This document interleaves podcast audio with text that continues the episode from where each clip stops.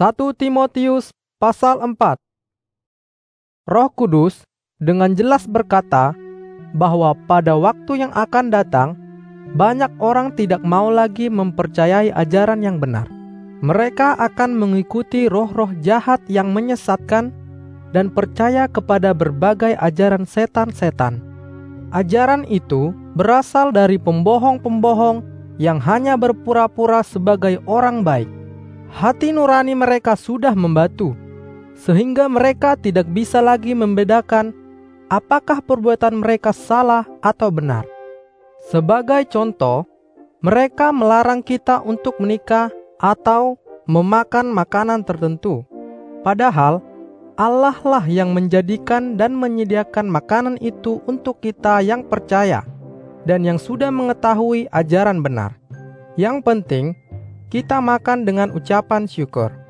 Karena semua yang diciptakan oleh Allah adalah baik. Satu pun tidak ada yang haram. Dengan ucapan syukur, segala sesuatu boleh kita makan dan nikmati. Jadi, oleh karena firman Tuhan dan sebagai jawaban atas doa kita, Allah menjadikan semua makanan halal untuk kita.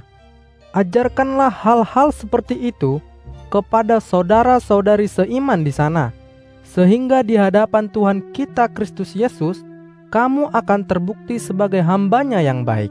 Seorang hamba Kristus yang baik haruslah semakin dewasa dalam segala macam ajaran yang membangun keyakinan kita, seperti ajaran-ajaran baik yang kamu sudah ikuti.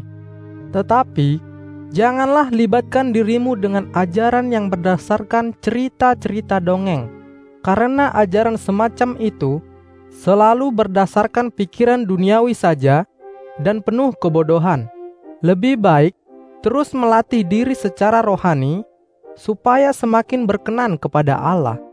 Latihan jasmani memang ada gunanya, tetapi terbatas.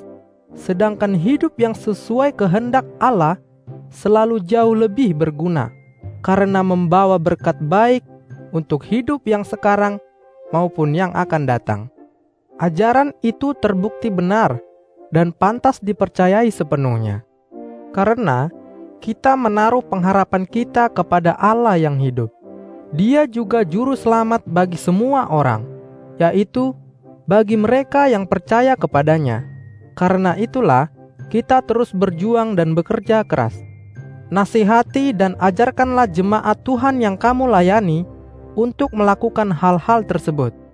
Biarpun kamu masih muda, jangan sampai ada orang yang menganggap kamu rendah. Karena itu, hendaklah kamu menjadi contoh bagi orang-orang percaya melalui cara bicaramu, gaya hidupmu, kasihmu, keyakinanmu kepada Kristus, dan melalui hidupmu yang suci. Sebelum saya datang, utamakanlah hal-hal ini dalam pelayananmu. Bacakan dan ajarkanlah kitab suci kepada jemaat, dan doronglah mereka untuk terus melakukannya. Ingatlah selalu menggunakan dan mengembangkan kemampuan khusus yang diberikan kepadamu melalui nubuatan yaitu ketika para penatua jemaat meletakkan tangan atasmu. Kerjakanlah terus tugas-tugas itu dengan sepenuh hati, sehingga keyakinan dan pelayananmu semakin bertumbuh dengan nyata di hadapan semua orang. Awasilah dirimu sendiri, dan berikanlah perhatian penuh kepada hal-hal yang kamu ajarkan. Berdirilah teguh dalam hal-hal itu, maka kamu akan menyelamatkan dirimu dan juga orang-orang yang mendengarkan ajaranmu.